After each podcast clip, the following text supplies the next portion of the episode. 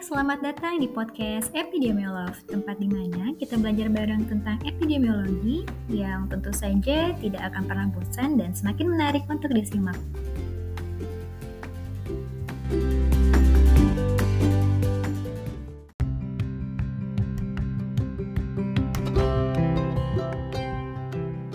Proses-proses yang terjadi di dalam kelompok terbentuk oleh struktur kelompok yang tidak terlihat, namun dia memiliki pengaruh.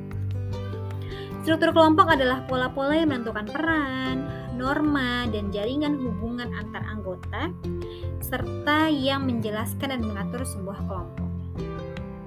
Apa sih yang disebut dengan norma? Norma adalah standar yang telah ada dan disepakati, yang mengatur perilaku anggota kelompok.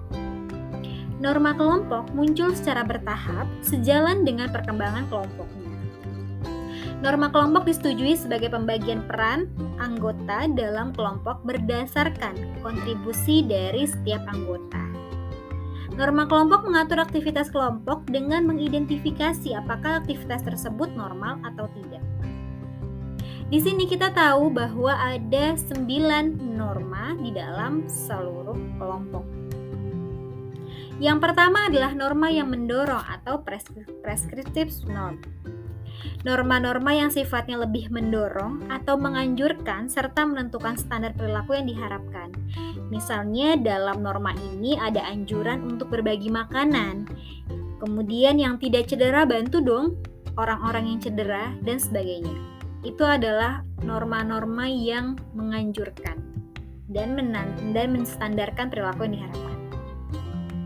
Ada juga norma yang melarang atau proscriptive norm sifatnya menghambat atau melarang. Misalnya saja dilarang mengambil makanan melebihi jatahnya, dilarang meludah sembarangan, dan segala macamnya.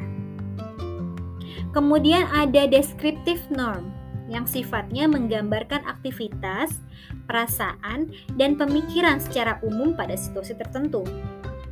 Norma ini menjelaskan kebiasaan yang dilakukan anggota kelompok sehari-hari. Misalnya, setiap pagi karyawan melakukan morning meeting. Kemudian, pada para murid, sebelum berdoa atau sebelum makan, kita berdoa terlebih dahulu ya. Seperti itu misalnya. Dia menggambarkan aktivitas, menggambarkan pemikiran secara umum pada situasi tertentu. Kemudian kita juga kenal tentang injunctive norm yang sifatnya menilai atau mengevaluasi apa yang anggota kelompok lakukan atau mendefinisikan perilaku yang baik atau yang tidak baik. Misalnya anggota kelompok sebaiknya tidak berbicara sambil makan. Atau norma lainnya, sebaiknya para karyawan meletakkan kembali ya peralatan yang dipakai. Itu namanya injunctive norm. Ada yang disebut dengan informal norm, yaitu norma tidak tertulis yang mengatur etika dalam kelompok atau perilaku yang secara umum diterima oleh masyarakat. Misalnya melakukan cuci tangan sebelum makan. Ada juga implicit norm, yaitu norma yang secara otomatis diikuti oleh anggota kelompoknya.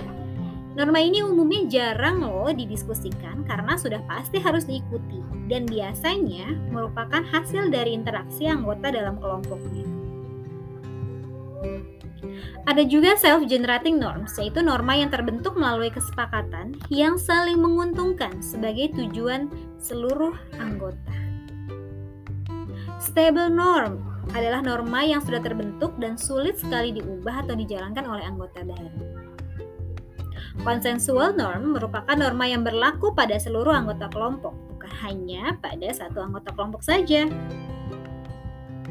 Nah, dari sini ada beberapa norma yang saya belum mendefinisikan atau memberikan contoh. Misalnya, informal norm. Oh, tadi sudah. Informal norm adalah melakukan cuci tangan sebelum makan. Atau contohnya adalah yang belum dicontohkan implicit norm, self-generating norm, stable norm, dan consensual norm. Teman-teman silahkan pikirkan apa saja contoh dari norma-norma ini. Kita lanjut ke bahasan selanjutnya pada episode kali ini, yaitu jenis peran dan anggota kelompok.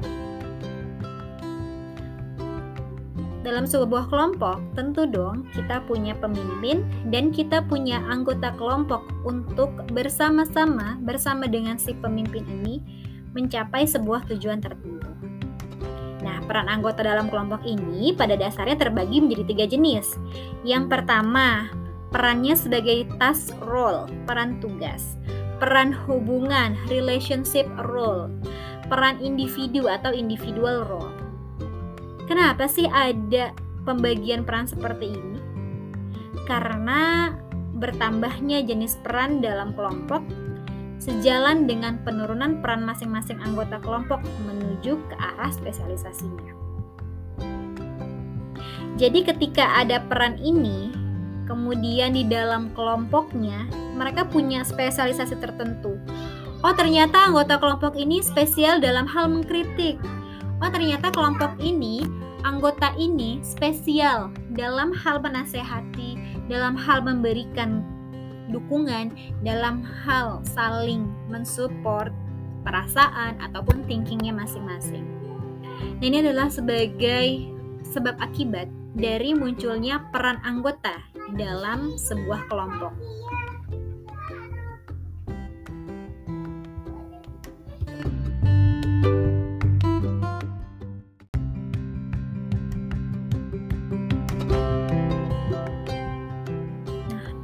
perbandingan ataupun perbedaan dari setiap kondisi peran tersebut? Yuk kita bahas satu persatu. Yang pertama peran tugas ataupun task role adalah berbagai peran atau posisi dalam kelompok yang dikerjakan oleh anggota dalam rangka menyelesaikan tugas atau aktivitasnya. Misal, mereka membuat struktur kelompok awal, kemudian membuat umpan balik terhadap tugas, dan mereka harus menentukan tujuan dari sebuah kelompok. Mau dibawa ke mana sih? Yang kedua, peran hubungan atau relationship role adalah posisi dalam kelompok yang dikerjakan oleh anggota dalam rangka meningkatkan proses dan kualitas hubungan antar personal. Misalnya menunjukkan perhatian terhadap perasaan seseorang, mengurangi konflik, dan meningkatkan kepuasan dan kepercayaan terhadap sebuah kelompok. Disebut juga socio-emotional role. Bagaimana dengan peran individu atau individual role? Wah, ini banyak sekali teman-teman semuanya. Kalau individu, kita bisa melihat berbagai jenis spesialisasinya. Nah, kalau menurut Forsyth tahun 2010 di dalam papernya, beliau mengkategorikan beberapa peran tugas. Yaitu yang pertama, peran tugas, kemudian kita juga kenal peran tugas, peran individual, dan peran relationship. Mari kita simak teman-teman, berdasarkan Forsyth ini, apa sih yang dimaksud dengan pembagian peran ini? Untuk peran tugas, jenisnya adalah misalnya seseorang itu perannya adalah sebagai inisiator ataupun kontributor. Kemudian, oh dia sebagai pencari informasi, dia sebagai pencari opini, berarti dia harus mencari data-data, fakta-fakta yang sifatnya kualitatif. Kemudian, oh dia sebagai pesemang penyemangat, energi energizer gitu ya. Menstimulasi anggota kelompok untuk berdiskusi ketika dalam kondisi yang stagnan. Biasa-biasa aja nih stagnan. Nah, dia sebagai penyemangatnya. Kemudian dia sebagai pencatat atau recorder, mencatat dan memelihara catatan atau rekaman dokumentasi. Ini adalah yang dimaksud dengan kategori dari peran tugas, task role.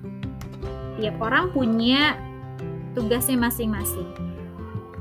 Kemudian ada juga peran hubungan, yaitu di sini juga masih ada penyemangat. Contohnya adalah memberi semangat dengan janji, kehangatan, kemudian dengan pujian. Wah, semangat ya Ibu Kader Posyandu RT 5 adalah ibu kader teraktif pada bulan ini misalnya. Kemudian tukang kompromi, compromiser, ada dia juga tugasnya melibatkan diri dalam permasalahan untuk meredam konflik. Ada juga pengikut atau follower, dia hanya menerima ide dari mana pun dan bertindak sebagai pendengar saya dalam kelompok. Ada juga yang sifatnya lebih challenging lagi yaitu penuntut standar.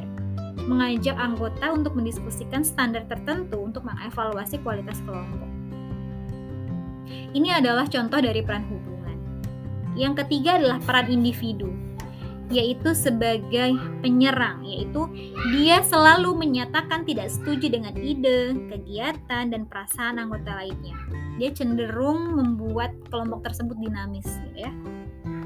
Jika ada rapat ataupun ada keputusan yang diambil secara sepihak, dia sebagai agresornya, penyerangnya. Gitu. Kemudian ada sebagai penahan si peran individu ini, bersifat berpikir negatif, menghambat pengaruh kelompok dan kadang-kadang malah bersikap oposisi di dalam kelompok. Ada juga sebagai penguasa peran individunya, selalu menunjukkan otoritas dan superioritas atau kadang dia memanipulasi, manipulasi kondisi kelompoknya. Ada juga perannya sebagai pencari pertolongan, selalu menunjukkan rasa tidak aman, kebingungan, dan menarik diri ada juga cari mencari perhatian, selalu membutuhkan mencari perhatian seperti itu. Nah, dari peran dari voice field ini, peran manakah yang lebih teman-teman dominasi? Atau teman-teman lebih sering melihat peran apa sih di dalam peran dari setiap kelompok ini? Sekian, selamat berjumpa dan bertemu kembali di episode berikutnya.